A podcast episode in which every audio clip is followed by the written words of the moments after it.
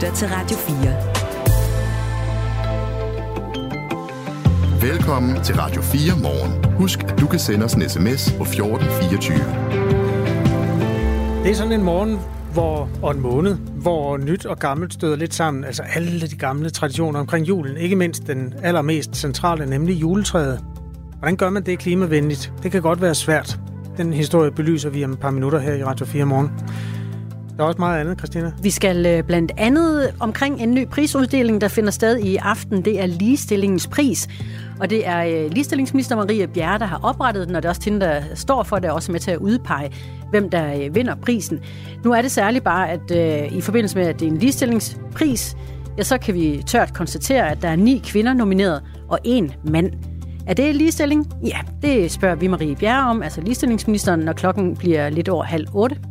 Østjyllands politi og Aarhus Kommune har i fællesskab offentliggjort nogle data, som er foruroligende. Det er de samme familier, der står bag ekstremt meget af den kriminalitet, der begås. Familier, der også trækker store ressourcer ud af kommunen med et hav af socialsager.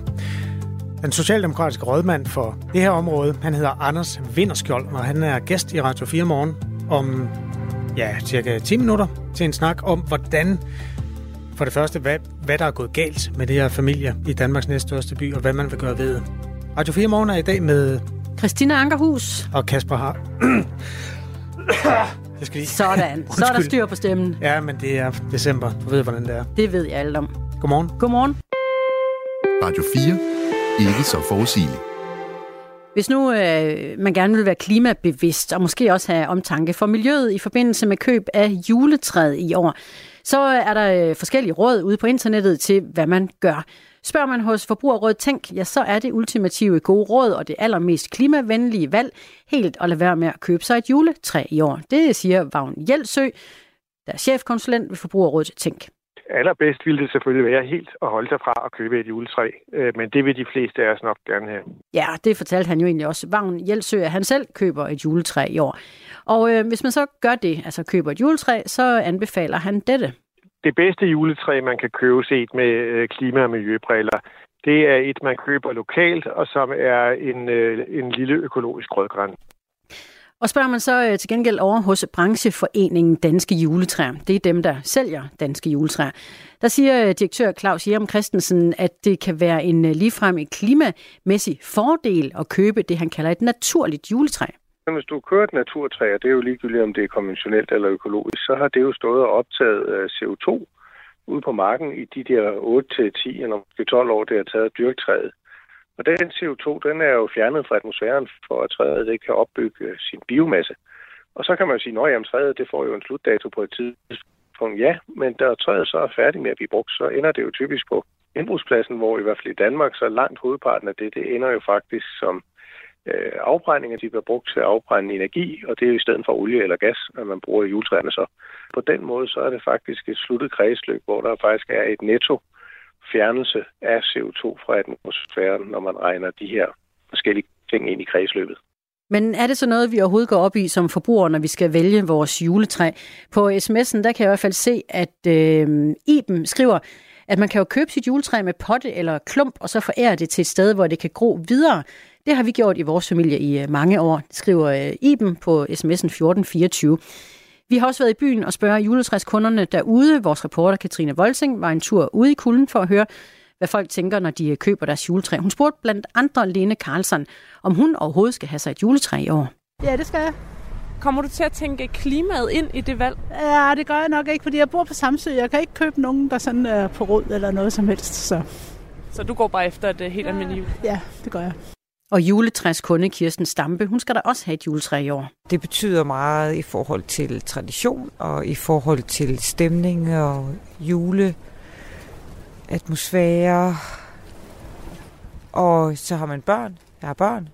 Og gør det sammen med dem og danse rundt omkring det levende juletræ. Ja, det har betydning. Tænker du på nogen måde klimaet ind i det valg af juletræ, som du, øh, som du står overfor? Det har jeg ikke gjort, men det begynder at banke på, ja. Og når du siger det på den her måde, så kunne jeg faktisk godt gøre det i år.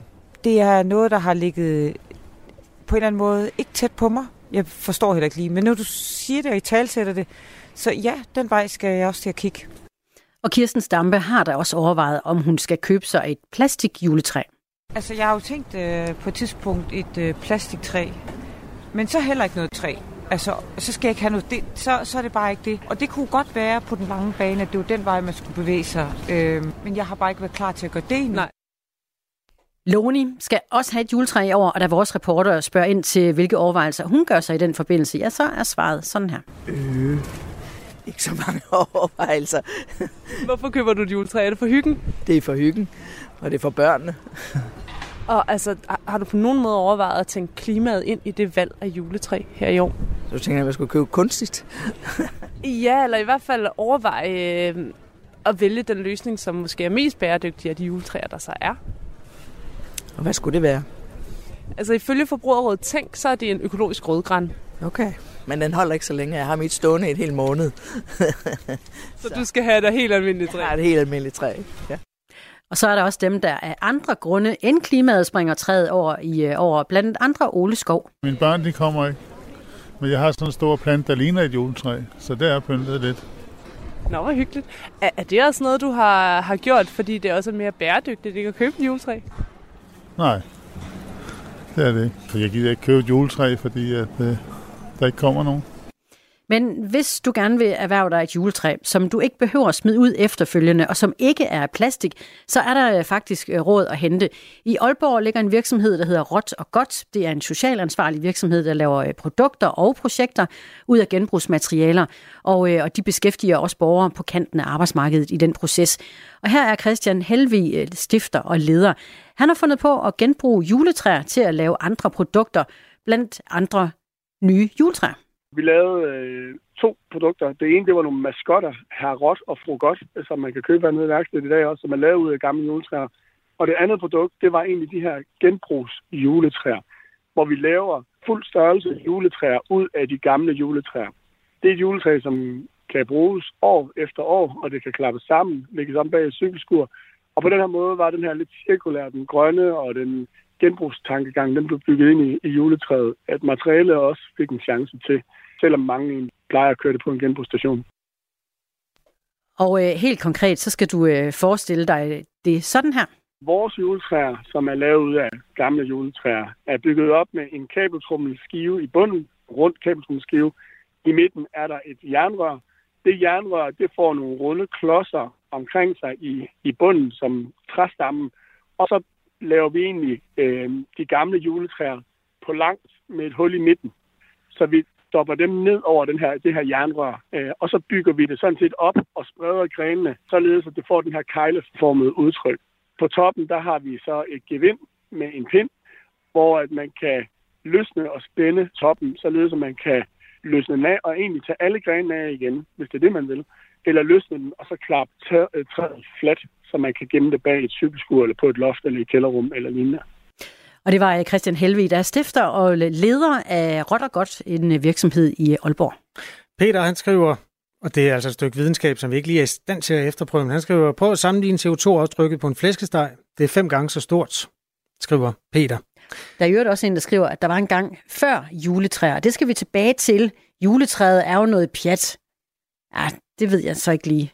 Det er Den i hvert fald en, en tradition. Det er i hvert fald en tradition, der dybest set er den samme, som når du skærer blomster af. Er den ikke det? Jo, Og sætter dem ind i en vase. jo, det, det kan man da godt mene, at det er sådan, øh, ja, Så hvis Men- vi gik fuldstændig væk fra det, eller i hvert fald øh, selv dyrkede vores blomster, Ja, vi kan gå øh, mange veje egentlig. Ja.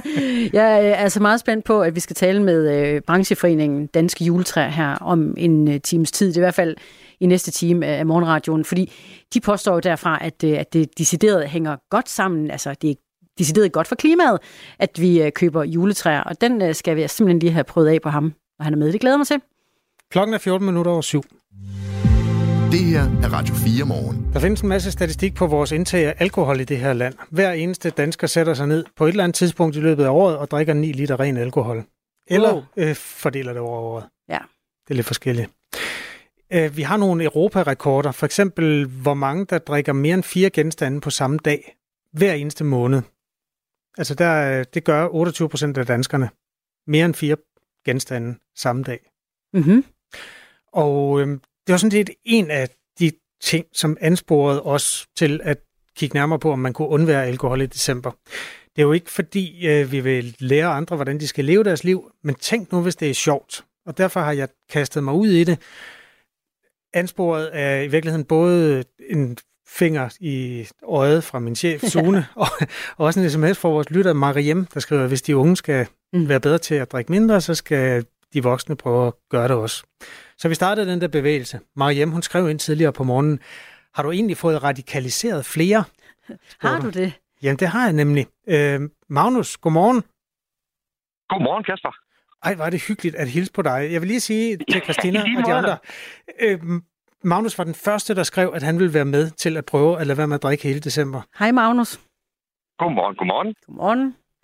Øhm, og der er mange, der også har meldt sig, som aldrig drak til. Altså, der var en intermissionskvinde, der sagde, det vil hun da gerne bakke op om, men hun drak ikke i forvejen. Og der er også nogle mennesker, der har haft alkoholproblemer, som er stoppet, som bakker det op. Men du, altså, du havde sådan en normal indtag af alkohol, inden vi gik i gang, ikke? Jamen, altså, definere normalt, Kasper. Jeg tror, jeg drikker ligesom dig. Ja. Sådan uh, lidt hyggeligt, og jeg spiller ikke darten, så laver jeg alt muligt andet jo. Ja, så der går... Ja. Altså det der med, at der går en hel uge, hvor man ikke drikker normalt, uden at man tænker over det, er det, er det sådan... Er det, hører det til sjældenhederne? Øh, ja og nej. Jeg tror ikke, jeg drikker hver uge, men altså, måske hver... Jeg holder måske en hvid uge hver tredje, fjerde uge, eller sådan noget, en gang om måneden, eller sådan noget. Men ellers så får jeg jo et par stifter i løbet af ugen, jo. Yes. Hister her, ikke? Du og jeg, vi tilhører sådan cirka samme generation omkring de 50, hvor vi voksede op, hvor vi kunne købe øh, altså finsprit i de mængder, vi skulle bruge, øh, allerede da vi var 11 år. Og derfor ja. er det jo meget interessant at se, om man kan lære os nye ting. Har du savnet at drikke de første 11 dage af december? Øh, ja, det har jeg faktisk. Hvornår og hvilke lejligheder? Jamen, det, det er bare sådan generelt. Altså, når, når, når, øh, jeg synes, det er interessant, det her eksperiment, fordi det er, det er spændende for mig at sætte spørgsmålstegn ved alle mulige stimuli, som vi tager for givet. Og når jeg beslutter mig for at lade være med sådan noget, så flytter den der tanke jo ind. Ja, ja. det er ligesom en sten i skoen, ikke? Men det er ikke, det er ikke svært på nogen måde, vel? Men den ligger der bare som sådan en tanke om, at så er der noget, man ikke må, og så bliver det selvfølgelig tillokkende på en eller anden måde. Ja, det er du ret i. Har du været til en sammenkomst, Magnus, hvor øh, alkohol var en, en del af festen? Ja, det har jeg. Og hvordan foregik det for dig? Jamen, det, det har jeg faktisk ikke problemer med. Jeg har, jeg har øh, haft sådan hvide år før i tiden også. Så det, det er ikke så svært for mig, egentlig. Jeg har indstiftet sådan en, en skala, Magnus, hvor man kan anmelde forskellige begivenheder. Jeg vil lige introducere den til dig, inden du skal have lov at anmelde din julefrokost. Altså det går ud på, at hvis man nu tager for givet, at for eksempel når man skal ud og bowle med kollegerne, som jeg var tidligere på måneden, så har vi den normale måde at opføre sig på, det er, at man lige får et par stifter undervejs, øh, mens man bowler, for at holde, øh, ja, for at holde kroppen hydreret og humøret højt. Det testede jeg en fredag aften, og der er noget, der hedder powerbowling efter 21. Der går der sådan shots og rød kejle og diskomusik i den. Øh, det lyder simpelthen som en civilisation i opløsning. Det du kan høre her. Ja, ja. Og det, der er skalaen i det, der jeg siger, normalt, så bowling fredag aften, det vil jeg give 6 ud af 6. Hvad vil jeg så give det uden alkohol? Ja. Der øh, når jeg frem til, at den her begivenhed, at være en del af den uden at drikke alkohol, der giver den 2 ud af 6 stjerner. Okay. Fordi jeg savner simpelthen alkohol så meget. Øh, fordi alle de andre drak det. Og jeg kunne mærke, at der var en fest, jeg ikke var en del af. Øhm, Ja. Så nu forstår du skalaen. Hvordan vil du anmelde den julefrokost, som du var øh, til? Jamen, ud fra dit synspunkt, så tror jeg, jeg hænger med på to-tre stykker. Men øh, hvis du nu ligesom anlægger et andet synsvinkel på det og siger, at du betragter det som et øh, studie i aarhusiansk subkultur i stedet for, og så være ædru imellem alle de her skidefulde mennesker. Altså, Mm. du kan jo huske alt, hvad der blev sagt og sådan noget. Ja. Og altså, alkohol er jo på en eller anden måde en slags sandhedsserum. Altså, det, det, det, det fjerner jo alle de der filtre, vi har, Facebook, og hvad var det, mor sagde, og alt det her, ikke? Så det er, det er sgu da interessant at være ædru imellem alle de her fulde mennesker. Nu Inter- tester vi det. Ja, interessant eller kedeligt, Magnus? Jamen, det ved jeg ikke. Så er det vel kedeligt at være alle mulige steder. Det er jo, Mm. Vi er vel interesseret i hinanden som personer, er vi ikke det? jo, det synes jeg er et og, godt og argument. sådan ligesom spejler os selv i, i det. Altså. Mm. Og så kan man jo også se, okay, hvis øh, Bjarne eller Karen, eller hvem det nu er fra, nede fra kopiafdelingen, gør sådan, hvad, hvad fanden har jeg så selv gjort? Altså.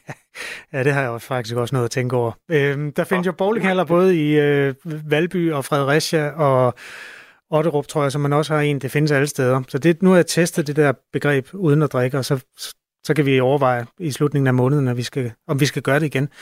Magnus... Øh... Jeg, synes, din, øh, jeg synes, din redaktør han hænger på en julefrokost til mig og dig. Ja, jeg er fuldstændig enig. Det, det synes jeg. Altså. Og det er, det er jo Aarhus, så hvad er det? Hvad er det?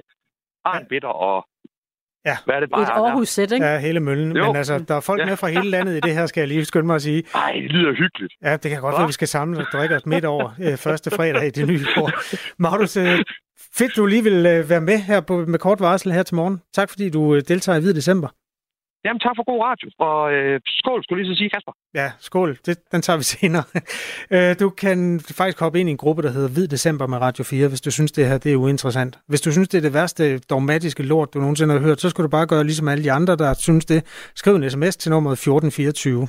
Det er som sagt et eksperiment, og hvis det viser sig at være fuldstændig uholdbart, så gør vi det aldrig mere. Du har også gået igennem øh, december som gravid, har du ikke prøvet det? Jo, og det er faktisk lykkedes også. Jeg er her stadig, kan man sige. Ja, så Det er man kan nok godt. øh, sværere de år, hvor jeg drikker mig igennem december. Det jeg nok i virkeligheden mere på det. Du lytter til Radio 4. Blot en håndfuld familier står bag det meste af den organiserede kriminalitet i Aarhus. Det er kommet frem efter, at Østjyllands politi og Aarhus Kommune for første gang nogensinde systematisk har delt oplysninger om kriminelle borgere. Det er en historie, som DR øh, har fortalt oprindeligt, og som vi også meget gerne vil ned i dybden med. Altså Danmarks næst største by. Her er der en flok, de samme familier, som står bag ekstremt meget kriminalitet, og som i øvrigt også trækker store ressourcer ud af kommunen, fordi der er et hav af socialsager. Situationen ses som, øh, som så alvorlig, at Aarhus Kommune vil tage ekstraordinære metoder i brug. Anders Vinderskjold er for, øh, rådmand for sociale forhold og beskæftigelse i Aarhus Kommune, valgt for Socialdemokratiet. Og med os nu, godmorgen. Godmorgen. Vi skal tale om, hvad man gør ved det, men først, altså, hvor mange familier drejer det sig om? Ja, det er desværre ikke i, i stand til at sige. Det er lidt mere end en håndfuld, og, og bestemt ikke hele, hele øh, vores udsatte boligområde Gellerup. Så, øh, så, så en del, det er en del af et forskningsprojekt, og grunden til, at jeg ikke kan sige, hvor mange det er, fordi forskningsprojektet ikke er færdigt endnu. Okay. Så det håber vi at kunne gøre på et tidspunkt, men det er for mange, og det er dybt bekymrende. Hvad kan du sige om de her familier? Det lyder som om, der er nogle sociale problemer. Jeg ved, kulturkløfter, kan man bruge det ord? Det kan man godt, og så kan man sige, at kriminaliteten går i arv, øh, og kriminaliteten øh, inficeres i, i store familier, øh, kan man sige, altså hvor det også er næste led, altså det kan være onkler, tanter, fætter, kusiner. Øh, så vi ser faktisk børn, der bliver født ind i en kriminel løbebane, og det er også derfor, vi sætter ind med nye indsatser, blandt andet ned mod øh, børn, som er faktisk helt ned til 8 år. Så det er meget bekymrende, det her. Ved du, hvad det koster for Aarhus Kommune at øh, have de her familier? Jeg har faktisk bedt min forvaltning om at kortlægge øh, præcis, hvad det koster øh, for en enkelt familie. Øh, og det tal tror vi, vi har her senere på ugen. Det skal lige stå stille, men det er et anseligt millionbeløb. Det tør jeg godt lægge hovedet på blokken og sige. Også et større anseligt millionbeløb. Nu lyder det her lidt som en lokal historie, men det er jo i virkeligheden en historie, der udspiller sig alle steder, hvor der er udsatte boligområder. Altså at man kan have en familiestruktur, der gør, at man lærer kriminalitet af hinanden. Er, er det nyt for dig, at der findes øh, sådan kriminelle familier, kriminelle måder at vokse op på? Nej, jeg vil sige, jeg, ikke- jeg er ikke faldet ned af stolen over, over det her. Der er, kan man sige, en parallel retsudøvelse. Der er øh, kriminalitet, som, som går i familier. Jeg tror omfanget, øh, som vi ser her, fordi vi har fået mulighed for at dele, kan man sige, viden mellem Østjyllands politi og os, mm. at dem, som er meget højt præ- repræsenteret i Østjyllands politis statistikker, de er også meget højt repræsenteret og trækker enorme veksler hos os i et omfang. Vi har simpelthen ikke vidst det før vi er de første i Danmark, der gør det her. Så når du siger, "Mm, vi tror også, det sker andre steder, det vil jeg også gætte på. Vi kan bare ikke sige det, Nej. Øh, og det kan vi. Der var på et tidspunkt en øh, præst, en sovnepræst i Gellerup, som er et af de øh, områder i det vestlige Aarhus, øh, som jeg kan huske, han sagde hver gang, man sådan beskrev nogle af de problemer, som, hvor der var anden etnisk baggrund, så sagde han, det her det er ikke, so- det er ikke sådan øh, etniske problemer, det er sociale problemer. Er der noget af det her, der er etnisk, eller er det socialt? Hvordan vil du beskrive det? Og det er et svært spørgsmål, der er vi jo inde i, i antropologi og, og alt muligt andet. Nej, der er også kultur på spil her. Ja. Ja. Det er mit bedste bud. Der er også nogle kulturelle logikker på spil i forhold til, hvordan er det, man ser på et retssamfund. Hvad er det for nogle demokratiske værdier, vi, vi respekterer og ikke mindst ikke respekterer. Og det er jo derfor, vi reagerer her. Altså, vi synes jo, at, eller jeg synes, at, at noget af det, der sker fuldstændig på månen. Altså man er så langt fra vores almindelige spilleregler her. Øh, jo alt fra, øh, fra vidnetrusler til mailing til, til alt muligt andet, så det, det er dybt kritisabelt. Lige nu har vi altså besøg af Anders Vinderskjold, der er rådmand for sociale forhold og beskæftigelse i Aarhus Kommune, hvor man har sammenkørt nogle oplysninger fra kommunens side med politiets oplysninger, og når frem til, at man rent faktisk kan føre en meget stor del af kriminaliteten og også en meget stor del af de sociale problemer tilbage til en, lad os kalde det en håndfuld familie.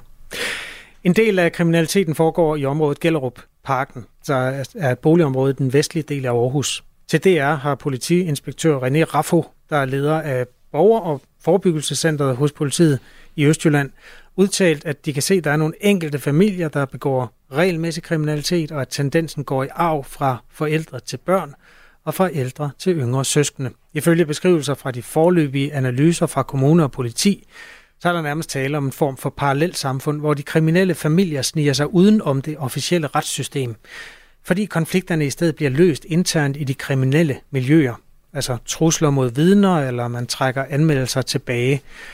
Og så beskrives der bare sådan generelt manglende samarbejdsvilje med myndighederne og en lang række sociale sager.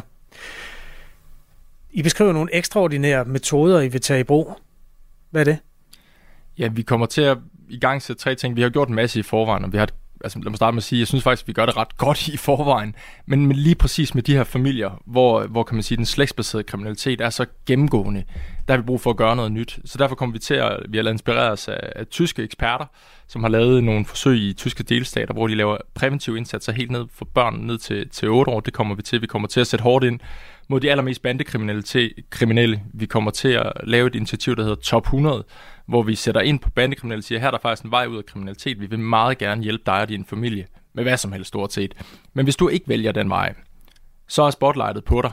Og, og så gør vi alt på tværs af myndigheder, kommune, skat, politi, øh, for at gøre det så svært som overhovedet for dig at forblive kriminalitet, og gøre det så utroligt træls at forblive kriminel. Så det er også en del af pakken. Det her det skal ikke være en forsvarstal for kriminelle 8-årige, men hvordan tror du, det vil være for en 8-årig at få det lys på sig, øh, når man sidder i en skoleklasse med alle de andre elever? Jamen, den kriminelle 8-årige skal jo, kan man sige, have hjælp. Altså, det er jo børnefaglig hjælp. Det er jo alt fra hjælp til et fritidsjob, børnefaglige samtaler, hvad det nu måtte være, og så jo helst hjælp ind i deres familie. Øhm, det, er jo, det er jo målet. Altså, i, i dag er, er, er problemet jo, at vi ikke lykkes godt nok, og derfor ender man med at, at bruge sin ungdom i anbringelse og ungdomsfængsler, og senere så ender du bare i voksensfængsler. Så, så jeg synes, vi har et ret stort ansvar for at hjælpe de her børn tidligere. Så, så jeg, hvis jeg var 8 år og fødte ind i en kriminel familie, så ville jeg da håbe, at samfundet mm. tog et ansvar. Det er det, vi forsøger. Der øh, kommer spørgsmål på sms'en. Jeg tror godt lige, vi kan nå i hvert fald et enkelt her, der bliver spurgt om, øh, hvad er det for noget kriminalitet, vi taler om egentlig? Ja, det er jo egentlig et spørgsmål, politiet skal svare på, men, men jeg vil godt våge mig ud i det og sige, det er jo, det er jo alt mulig kriminalitet. Altså det er jo berigelseskriminalitet, det er, det er vold, det er, det er også det, det der er værre. Øh, så det, det, det er faktisk... Det der er værre end vold? Ja, altså det er meget, meget personfarlig kriminalitet, vi har at gøre med her. Altså, så, så, så det er jo også det er også forsøg på alt muligt andet, men, men jeg tror, de, den politimæssige del med politiet har lov at svare på. Hvad med de 8-årige? Nu talte vi lige om dem. Hvad er de skyldige Jamen, de 8-årige bliver brugt og udnyttet, kan man sige, når, når, når trykket koger øh, i, i nogle af vores udsatte boligområder, fordi man jo er under den kriminelle lavalder. Så bruger man børn til at løse kriminelle opgaver. Hvad kunne det være? Jamen, det kan være holde udkig, det kan være opbevare ting, det kan være ja, gemme ting, den slags. Når der er visitationszoner og straframmen er højere, så, så er det jo nærliggende og kynisk at, at bruge børn, og det gør man. Øh, det er det, vi ser. Øhm, ja, så det er dybt problematisk. Vi kan godt lige nå en kommentar fra øh, to juraprofessorer, eller i hvert fald en af dem, fordi der, DR har talt med hele to, som også kritiserer nogle af de elementer, der er i de nye metoder, især det, der handler om børnene. Øh, juraprofessor Emerita Eva Schmidt siger, jeg er meget bekymret for retssikkerheden. Det kan ikke være rimeligt, at man sætter sådan nogle straffeforanstaltninger op for børn, som man ikke engang ved, om de vil blive kriminelle. Hvad siger du til det? Jamen, jeg siger, jeg synes, at Eva Schmidt har, har, har misforstået det en lille smule, hvis jeg skal være helt ærlig. Øhm, altså, vi har fået et værktøj, som gør, at vi meget målrettet kan gå ind og se på enkelt familie og sige, okay, her er der voldsomme problemer, her bruger politiet voldsomme ressourcer, her bruger vi voldsomme ressourcer. Så vi kan simpelthen gå ind målrettet systematisk tidligere og forsøge at hjælpe. Altså hjælpe med den ene hånd og sanktioner med den anden hånd. Det skal være let at forlade kriminalitet, det skal være sværere at forblive kriminel. Så jeg har, ikke et, jeg har ikke et problem med det her. Jeg synes, det ville være totalt uansvarligt, hvis jeg ikke altså, sad på den her viden og faktisk ikke gjorde noget for at hjælpe de her, de her børn. Og en del af at hjælpe de her børn er jo også for nogens vedkommende at, øh, at være noget hårde ved deres familier. Tak fordi du kom. Selv tak. Anders Vinderskjold er socialdemokratisk rådmand for sociale forhold og beskæftigelse i Aarhus Kommune. Klokken er halv otte. Nu er der nyheder på Radio 4. Den mest populære minister i SVM-regeringen er finansminister Nikolaj Vammen. Det viser en ny gallopmåling, som Analyseinstituttet Verian står bag for for Berlingske. Vammens popularitet kan få betydning for hans chancer for at overtage posten som formand for Socialdemokratiet efter Mette Frederiksen.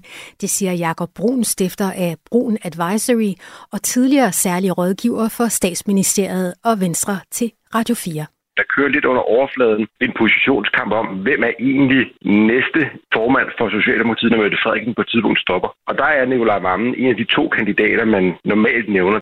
Også justitsminister Peter Hummelgaard er på tale som formand for Socialdemokratiet efter Mette Frederiksen. Og han ligger noget længere nede på listen. Så i sådan en intern socialdemokratisk positioneringskamp, jamen der betyder det også et eller andet for varmen, at han får bekræftet, at han ligger, ligger pænt.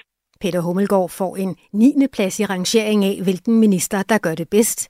Statsminister Mette Frederiksen indtager 15. pladsen på listen. Red Barnet slår alarm. Huller i straffeloven betyder nemlig, at en bestemt slags billede- og videomateriale, som er seksuelt krænkende over for børn, i vid udstrækning kategoriseres som lovligt i Danmark. Det siger generalsekretær Johannes Schmidt Nielsen. Det er materiale, som tydeligvis er blevet produceret øh, med det formål at skabe seksuelle associationer hos voksne, øh, og det materiale, vi ikke kan gå videre med til politiet, for det materiale, som i Danmark ikke er ulovligt. Organisationen har isoleret tre typer billede- og videomateriale, de mener bør gøre strafbart. Det fortæller psykolog og seniorkonsulent hos Red Barnet, Per Frederiksen. Det drejer sig om poseringsbilleder med børn, hvor der er tydeligt seksuelt formål. Hverdagsbilleder af børn, der bliver sat ind i en seksuel kontekst. Og så animeret orgasmateriale med børn. Han peger på, at andre lande beskytter børn mod den her form for seksuel digital krænkelse. Når vi sammenligner med andre nordiske lande, så er det tydeligt, at vi ikke tilstrækkeligt beskytter børn mod den her form for øh, digital seksuel fremstilling af børn. Øh, og derfor ser vi også behov for, at man får styrket den danske lovgivning, så børn ikke kan udstilles eller udnyttes øh, digitalt, sådan som de desværre kan i dag. I de første 11 måneder af i år har Red Barnets tjeneste anmeldte modtaget 1.619 anmeldelser om animeret materiale. Ukraines præsident Volodymyr Zelensky skal i morgen mødes med USA's præsident Joe Biden i det hvide hus. Biden ønsker at understrege USA's urokkelige forpligtelse til at støtte Ukraines folk i deres forsvar mod Ruslands brutale invasion. Det skriver det hvide hus talskvinde på X. Thomas Sand orienterer. Mens Rusland optrapper sine missil- og droneangreb mod Ukraine, vil lederne drøfte Ukraines akutte behov og den afgørende betydning af USA's fortsatte støtte på dette kritiske tidspunkt, lyder det en officiel meddelelse fra det hvide hus. Zelenskis kontor bekræfter, at han skal mødes med Biden som led i et arbejdsbesøg i USA, der indledes i dag. På tjenesten Telegram skriver det ukrainske præsidentkontor ifølge Reuters, at besøget har fokus på forsvarssamarbejde og sammenhold. Besøget finder sted ugen efter, at republikanerne i senatet stemte imod en hastelov, der skulle sende milliarder af dollar i amerikansk støtte til Ukraine. Zelensky var i går i Buenos Aires. Her var han gæst ved indsættelsen af Argentinas nye præsident Javier Milei.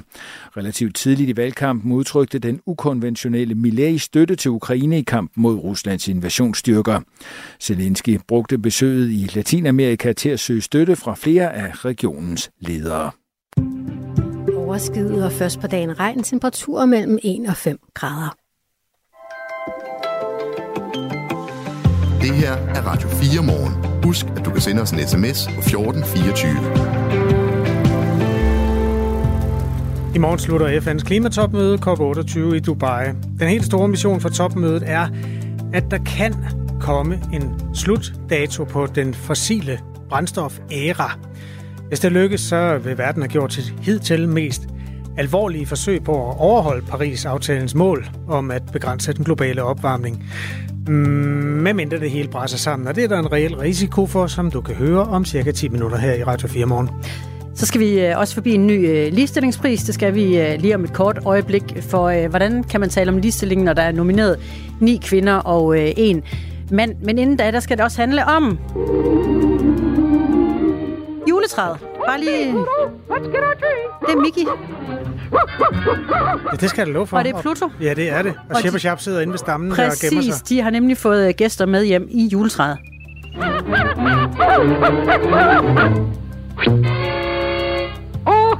Pluto! Ja. Chip og Chap har listet sig med indenfor. De to øh, jordæren er det vel egentlig. Mm-hmm. Chipmunks in our tree. Chipmunks. Ja. Hvor skal vi hen, udover det, Det kan dejligt? faktisk være en god idé at tjekke juletræet. Nå. Sådan fuldstændig som øh, han gør det her, Mickey Mouse, når han opdager de to dyr inde i træet. Det viser en øh, historie fra den virkelige verden i USA, Kentucky. Det skriver Se og Hør.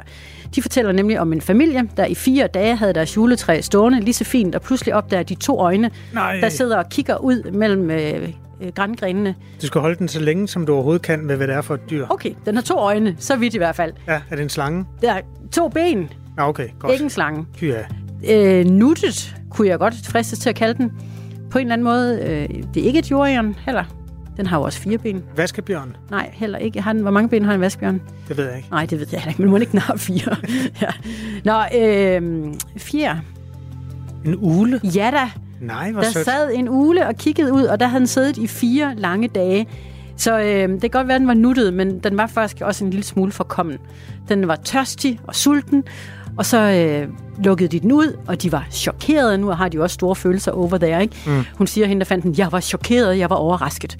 Men øh, fuglen er ude i det fri, og det bliver jul alligevel.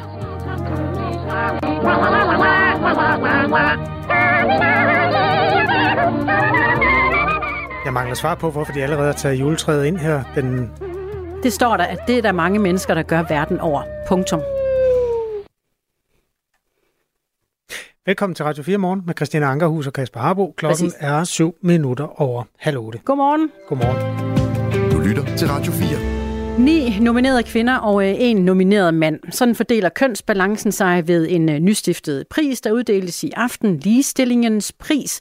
Og det er digitaliserings- og ikke mindst ligestillingsminister Marie Bjerre, der står øh, bag prisuddelingen, hvor øh, håbet er, at man kommer til at sætte fokus på rollemodeller. Der er øh, iværksættere blandt finalisterne, ledere og bestyrelsesmedlemmer, der alle har det til fælles, at de sætter ligestilling på øh, dagsordenen og skubber også til en kulturforandring.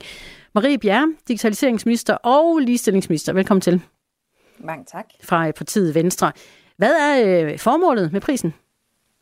Jamen formålet det er, at vi bliver nødt til at gøre mere. Ligestillingen handler utrolig mange steder i vores samfund. Øh, Men sagen er jo den, at vi lovgivningsmæssigt, ja, der skal vi have ligestilling. Vi skal behandle hinanden ens, uanset... Ja. øh, Kan vi få dig det- lidt tættere på din øh, mikrofon, telefon? Det er som om, at øh, du er lidt langt væk fra den. Lad os prøve at få dig klart og tydeligt igennem. Er det bedre nu? Det er det faktisk. Er det, Okay, dit, er, det, godt. er det dit mål, at prisen skal øh, ændre på noget, skubbe til en udvikling lige frem? Ja, jeg håber, at den her pris her netop kan være med til at skubbe øh, på den kulturforandring, der er helt nødvendig, hvis vi skal have ligestilling i vores samfund. Fordi Hvis sagen vi er, skal, vi det skal har, vi vel. Det skal vi, og sagen er, at vi har ligestilling i vores lovgivning, men det har vi ikke i vores kultur. Altså, der er stadigvæk nogle meget snævre kønsopfattelser, kulturelle strukturer eller stereotype opfattelser, der spænder ben for mænd og kvinder, sådan set i begge retninger. Nu er øh, temaet for år, forårets ligestillingstopmøde, et nyt initiativ, jeg har taget, det er kvinder i ledelse og bestyrelser, hvor der jo stadigvæk er meget, meget store udfordringer med ligestillingen, hvor der bliver set forskelligt på mænd og kvinder. Øh, og der har det været vigtigt for mig at rykke på, skubbe på den kulturforandring, der er i gang, men som går alt, alt, alt for langsomt. Og det er derfor, jeg har taget initiativ til det her ligestillingstopmøde, og i samme forbindelse, så også, at der bliver uddelt en pris til en, der går forrest, til en, der er en god rollemodel inden for årets tema. Og derfor har I øh, nomineret en, øh, en lang række af iværksættere, bestyrelsesmedlemmer og ledere, der alle gør noget i den retning, som du øh, ønsker dig, Marie Bjerre. Det er, når man tæller dum, dum, dum, dum, dum, listen igennem, ni kvinder og en mand. Hvordan er det ligestilling? Jamen, det er jo fordi, det er dem, vi synes, der gør en forskel inden for det her tema her. Øh, altså, jeg har ikke nogen ambition om, at ligestilling skal hedde 50-50 repræsentation alle steder. Det synes jeg, det er en forkert opfattelse af ligestilling. Altså, ligestilling, det må gå, gå ud på, at vi alle sammen har frihed til at gøre os gældende, at der ikke er nogen snæver kønsopfattelser eller stereotype opfattelser, der, der spænder ben for, hvad det er, vi gerne vil for vores drømme og for vores udfoldelse. Men var der virkelig ikke flere mænd, der skubber på den retning, som du ønsker dig? For mig har det aldrig været afgørende, at det er 50-50. Øh, det her, de er valgt, fordi at vi synes, det er dem, der, der, er, der bedst passer til prisen. Øh, I øvrigt så har vi jo så også fået 92 øh, indstillinger, 92 forskellige kandidater, hvor 88 er kvinder og 4 er mænd. Og ligestillingspris i år, ja, det er inden for temaet kvinder i ledelse og bestyrelser. Og der er det måske ikke så underligt, at det er flest kvinder. Ja, det ved jeg da egentlig ikke, fordi jeg synes jo også, at mænd bør arbejde for øh, at fremme kvinder i bestyrelser. Og det er der jo også nogen, der gør. Altså, vi har også fået fire indstillinger øh, med mænd, men altså 88 kvinder. Folk har kunne, øh, kunne komme med forskellige indstillinger. Vi, vi, I alt har vi fået 236 indstillinger, og det omfatter altså 92 personer. Og her er 88 kvinder og fire af mænd. Øh, og de her 236 indstillinger, ja, dem har vi jo så vurderet i priskomiteen, øh, og altså så faldet på de her ni kvinder og en mand. Minister for, øh, for ligestilling for partiet Venstre, Marie Bjerre, er med os her i Radio 4 morgen. Vi taler om den øh, prisuddeling, der finder sted i aften. En, en ligestillingspris, hvor ni kvinder og en mand er nomineret. Temaet er, er kvinder i øh, bestyrelser. Og jeg undrer mig over, hvor mændene er i, øh, i det her øh, felt. Kunne man ikke sige, at nu er balancen faktisk øh, tippet til den gale vej? Nej, altså prøv, jeg ser overhovedet ikke det her som problematisk. Altså det her, det handler om at anerkende øh, nogen, der gør en forskel inden for området. Øhm, og det er ikke så underligt, at der er flere kvinder, der er blevet indstillet, end der er flere mænd, fordi temaet det handler om kvinder i ledelse og bestyrelser. Og, og helt ærligt, min opfattelse af ligestilling er ikke, at der skal være 50-50 repræsentation. Heller ikke, når man laver nomineringer. Så det er sådan en eller anden mærkelig mærkelig tilgang til ligestilling i min optik. I min optik, der handler ligestilling altså om, at vi har frihed. At vi har frihed til at forfølge vores drømme, uden at der er nogen, der forsøger at spænde ben for os. Det er det, der er problemet med ligestilling. Øhm, Men undskyld, jeg tror ikke Marie at... Bjerre, jeg kommer lige til at afbryde dig, for kan det ikke netop komme til at virke lidt stereotypt, at man så netop, når det handler om kvinder i bestyrelser, nominerer næsten udelukkende kun kvinder? Nej, det synes jeg faktisk ikke. Øh, altså sagen er jo, at når vi taler om ledelse og bestyrelser, hvor er det, vi har udfordringen? Ja, det er faktisk i forhold til kvinder. På andre områder, der har en udfordring i forhold til mænd. Det kan være i bunden af vores samfund, det kan vi tale om en anden dag. Men når vi taler om ledelse og bestyrelser, så er udfordringen, at kvinder bliver set anderledes på end mænd. Der er en kæmpe ligestillingsudfordring, som handler primært om kvinder. Og derfor er det ikke så underligt, at der så er ni kvinder, der er nomineret, og en mand, der er domineret. Men hvad synes du så om det, Marie Bjerre, minister for ligestilling, at der ikke var et større felt af mænd, der arbejder for øh, kvinders ligestilling i bestyrelser? Øh, at der ikke var flere at vælge imellem? Jamen, det er jo sådan noget, vi forsøger at sætte fokus på. Det er jo faktisk derfor, vi laver det her topmøde her. Øh, fordi jeg synes, det går for langsomt med ligestillingen i bestyrelser og ledelse. Nu forsvinder du en lille smule igen, Marie. Er det bedre nu? Ja, ja. Ja, altså vi har et problem med ligestilling i bestyrelse og ledelse, og det forsøger vi jo så at sætte fokus på med det her topmøde her, fordi vi bliver nødt til at gøre mere. Jeg synes, det er for dårligt, at det går så langsomt med ligestillingen. Men kunne du have ønsket dig, at der var flere mænd, man kunne have valgt imellem til den her liste af nomineret? Også selvom det handler om kvinder i ledelser og bestyrelser. Kunne du have ønsket dig, at der var et større felt af mænd, der var øh, berettiget til at blive nomineret? Ja, det kunne jeg da i allerhøjeste grad. Øh, altså, det, hvis vi skal have ligestilling, så kræver det altså, at vi tager ejerskab for det. Det kræver, at vores virksomheder tager ejerskab for det, og det kræver, at mænd også er med. Og derfor kunne jeg da i allerhøjeste grad godt have ønsket mig, at der også var flere mænd, der gik for os, og flere mænd at vælge imellem. Og det er jo sådan set en af grundene til, at vi nu har det her topmøde, hvor vi sætter fokus på det. Det er faktisk for, at virksomheder, øh, bestyrelser, øh, har, sætter større fokus på det og er mere bevidste om de udfordringer, der er med ligestillingen. Kommer der til at være flere mænd, der arbejder i den retning, du ønsker dig, fordi I holder et topmøde og en prisuddeling i aften? Det her, ja, det tror jeg, der er. Øh, det er jo i dag, det er jo det ikke i aften, der bliver holdt, det er i dag, der bliver holdt øh, i mm, løbet af dagen. I dag. Men ja, det tror jeg, der er. Altså, vi bliver jo nødt til at gøre noget mere, det mener jeg, fordi det er en udfordring, at vi ikke har mere ligestilling i vores samfund, når vi jo har det i vores lovgivning. Vi skal behandle mænd og kvinder ens, det siger vores lovgivning klokkeklart. Øh, men hvorfor er det så, at mænd og kvinder alligevel ikke opfatter at blive behandlet ens? Ja, det er jo fordi, der er noget i vores kultur. Vi har nogle opfattelser af, øh, at det har kvinder måske ikke lyst til, eller det er en mand bedre egnet til. Øh, og det bliver man nødt til at sætte fokus på og arbejde med, og det er nogle kulturelle ting. Og der tror jeg, det hjælper at få holdt sådan en topmøde, hvor vi, hvor vi samler nogen af de aller, aller fremmeste eksperter øh, på området og meningsdannere, og som forhåbentlig giver genklang ud til virksomheder og bestyrelser. Mm. Også så der er flere mænd, der kommer til at arbejde med den her problematik.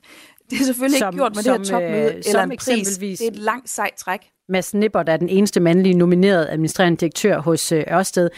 Blandt ah, ni, ni kvinder, der er nomineret. Er det overhovedet realistisk, Marie Bjerre, at han øh, kommer til at vinde?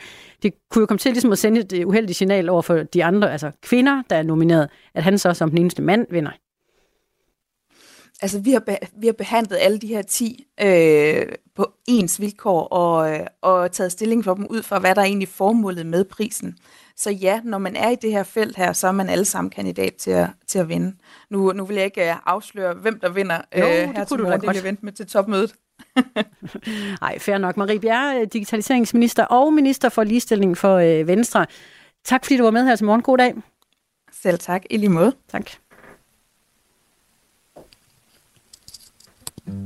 Vil du have mere overskud i din hverdag? Så er det nu, du skal spidse ører. Overskud på Radio 4 er din genvej til at få styr på alt det med pengene og mere overskud i hverdagen. Hver uge giver Sofie Østergaard dig tips og tricks til at få en sund økonomi.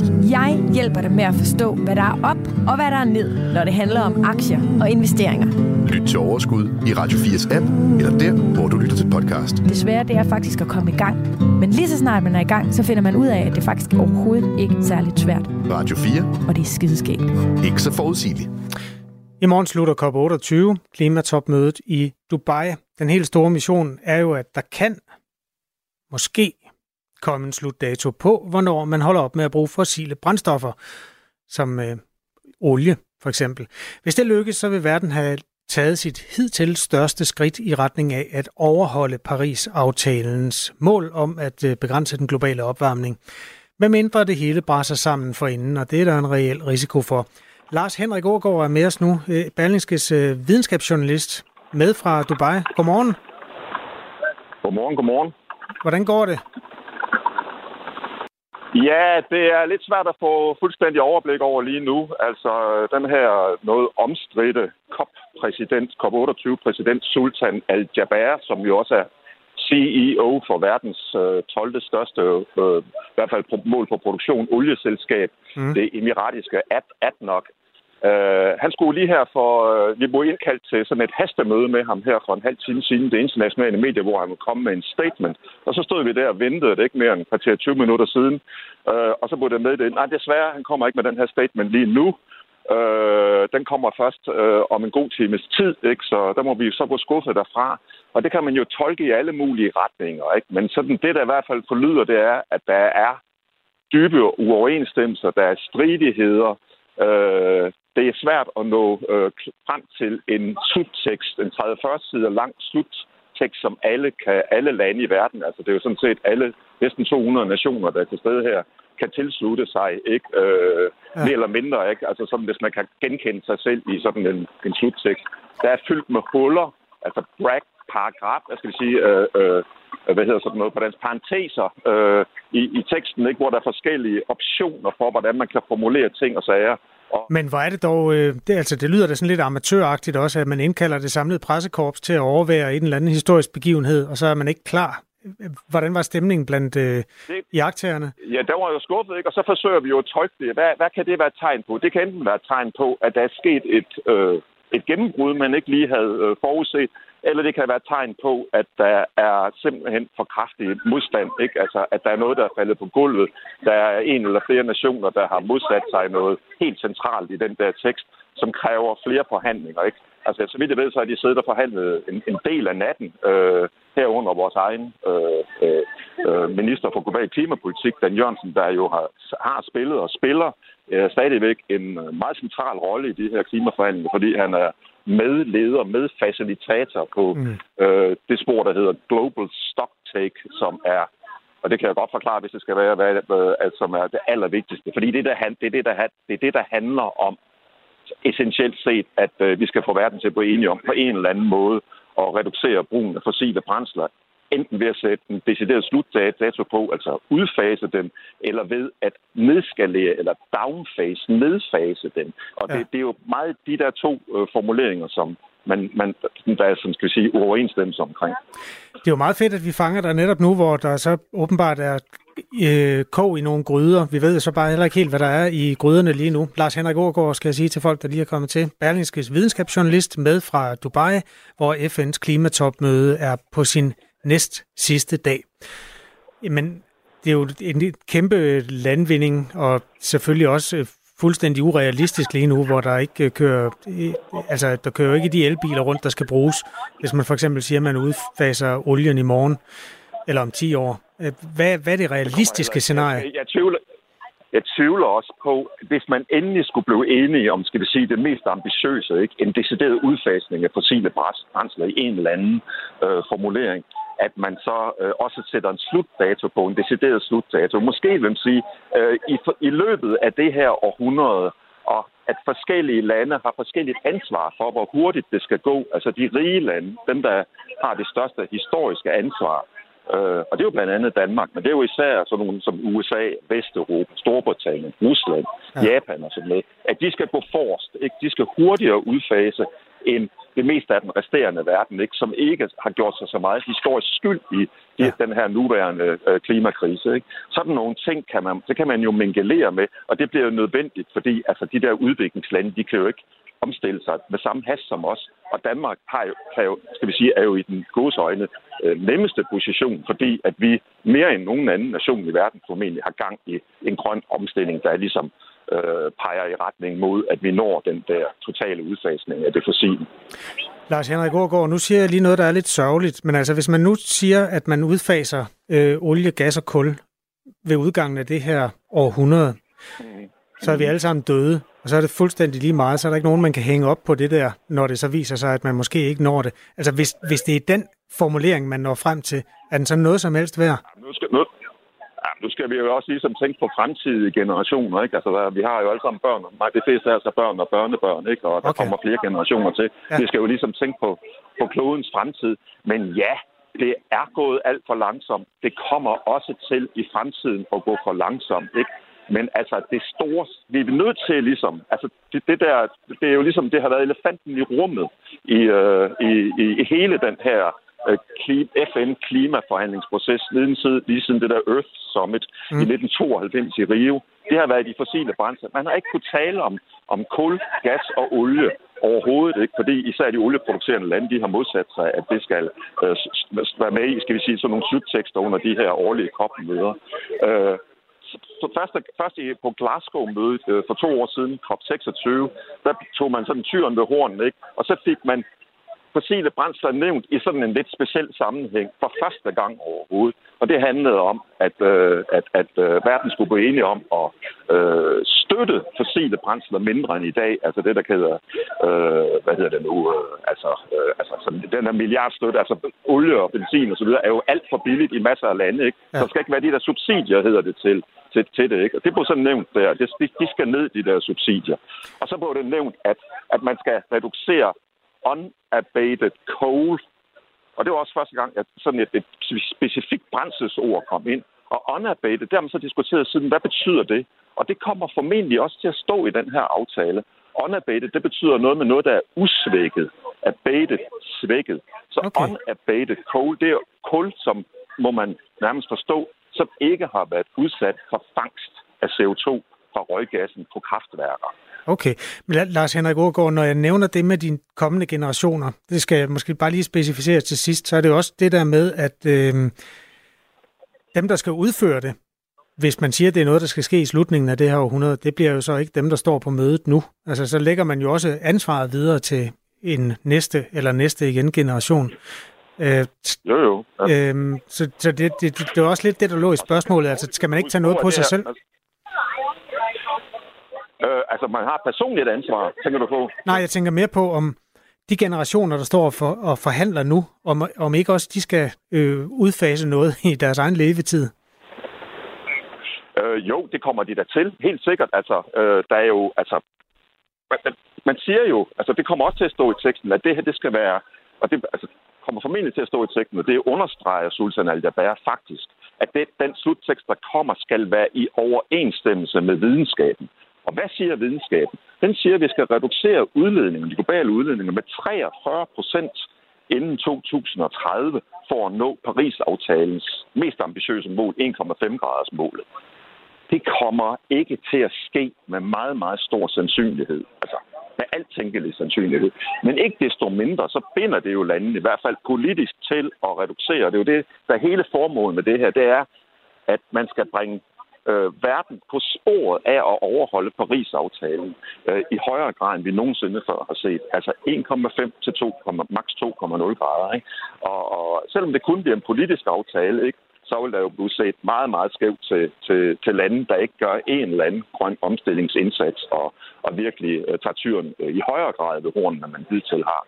Men det, det skal virkelig, virkelig gå stærkt, fordi øh, alt peger faktisk på, at i år 2023 kommer de globale udledninger til at slå alle historiske rekorder. Når vi er kommet et par år frem, 2025, så har menneskeheden udledt mere CO2 øh, end i hele resten af menneskehedens historie i det her århundrede. Altså mm. siden år 2000, ikke? Det er jo stærkt tankevækkende, hvor hurtigt det går. Det accelererer virkelig med hensyn, og det med, og dermed også med de øh, klimaforandringer, vi kommer til at se. Lars Henrik Aargaard, øh, det er spændende at øh, have dig med her i Radio 4 morgen lige nu, mens man forhåbentlig inden alt for længe kan indkalde til næste møde. Du skal have tusind tak for opdateringen direkte fra Dubai her til morgen tak. Vi håber, der kommer et resultat i morgen, men det er ikke sikkert. Nej, men øh, det kan være, at vi høres ved. Nyd varmen i hvert godt. fald. Den er der nok af i øjeblikket. Lars Henrik Gård er Berlingskes øh, videnskabsjournalist med direkte fra FN's klimatopmøde i Dubai.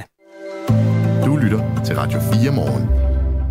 Det svenske flyvevåben har tradition for i øh, december måned at flyve i en juletræsformation som øh, sådan en øh, kombineret julehilsen og flyveøvelse, og det finder sted i dag. Og når jeg nævner det her i Radio 4 morgen, så er det fordi... Så er det fordi, der er klimatopmøde, nej, og de har aflyst den? Nej, det nej. er fordi, at øh, et dansk F-16-fly deltager som gæst i år uh. i denne juletræsformation.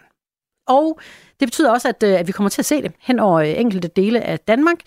Over Helsingør og København og øh, Kastrup får man så det her juletræ at se på himlen i dag. Så man skal lige øh, lægge nakken tilbage, kigge op, når øh, klokken er øh, 13.40 i Helsingør, 13.45 i København og 13.47 i Kastrup. Og nu øh, lægger jeg ikke hoved på blokken, om de her minuttal kommer til at passe, fordi det hedder så nemlig, at det kan være sådan lidt med vejrforholdene, om det lige går, som, øh, som jeg har sagt. Men øh, i hvert fald, kig efter det. Ja, det kan du sagtens sige. Jeg kommer til at være omkring øh, Aarhus. Ja, du får ikke noget at se så. Nej, okay, Beklager. ingen juletræ til mig. Nej, du Eller... må øh, kigge på de juletræer, der er rundt omkring på gader og stræder, hvis du kan få øje på dem. Radio 4. Ikke så forudsigeligt. Så kan vi da lige samle op på nogle af de mennesker, der har skrevet til os på nummer 1424 i forhold til den hvide december. Det er altså ikke øh, noget, vi pålægger andre at gøre, men vi er nogen, der tager en forholdet og tester, hvordan det er at gå igennem december uden at drikke alkohol. Og tak for det. Velbekomme. Vi har indstiftet en øh, skala, som vi tester begivenhederne efter. Jeg har lidt tidligere lanceret øh, det der med bowling, mm. hvor man i en eller anden grad falder af toget, når klokken slår 21. Og musikken drøner derudad. Ja, øh, jeg vil også godt lancere fænomenet julefrokost. Ja. Ja. Kan du huske det? Du var der også i fredags. Uh, ja, sådan noget øh, julebazar med drinks og, øh, og sjov. Og banko. Ja, også det. Øhm, jeg vil godt give den øh, 6 ud af 6 stjerner øh, for de første to timer. Og, og derefter, der kunne jeg altså godt mærke, at der skete noget. Altså, Nå da, hvad der ligesom, skete der? Jamen, der skete bare det, at man ikke rigtig følte sig med. Sæt øh, lidt flere ord på det, tak. Jeg drak øh, alkoholfri drinks. Jeg har købt sådan nogle cocktails af mærket Lyros, hvis nogen skulle interessere sig for det. Jeg er ikke nogen stor fan af alkoholfri øl, så jeg gik den vej. Ja. Og, og det smager jo dejligt og sådan noget, men det er bare en... Det er ligesom at drikke saftevand. Så ja. efter at have drukket en to-tre stykker af dem, så var jeg egentlig klar til at løbe en tur eller sådan noget, mens alle andre skulle ud og ryge og skulle dit og dat. Så øh, julefrokost, eller julebar, som vi kalder ja. det. To ud af seks stjerner. To ud af seks, det er alligevel ikke meget. Hvad med, øh, øh, ja, kunne du se, at vi blev fulde? Altså, skete der noget med os? Mm, Nej, ikke fulde, men bare øh, begejstret i en grad, hvor jeg ikke var med. Mm, Jeg ja. følte mig ikke lige så begejstret over de ting, vi talte om. Øh, måske var jeg bare træt og i dårlig humør. Jeg kommer tilbage jo, om men et år. de andre var også trætte, og alligevel så sker der noget, ikke? Ja, men det er måske det, jeg savner mest ved alkohol. Det der boost, der gør, at man glemmer, at man er træt i hjernen og i kroppen. Øhm, ja. Nå, to alligevel. Ja, men, jeg vil sige, de, men det var efter to timer, hvor udskillingen startede. De første to timer, der vil jeg give den 6 ud af 6. Det var dejligt at være sammen med jer. Godt. Dejligt. Og nu er klokken 8. Du har lyttet til en podcast fra Radio 4. Find flere episoder i vores app, eller der, hvor du lytter til podcast. Radio 4. Ikke så forudsigeligt.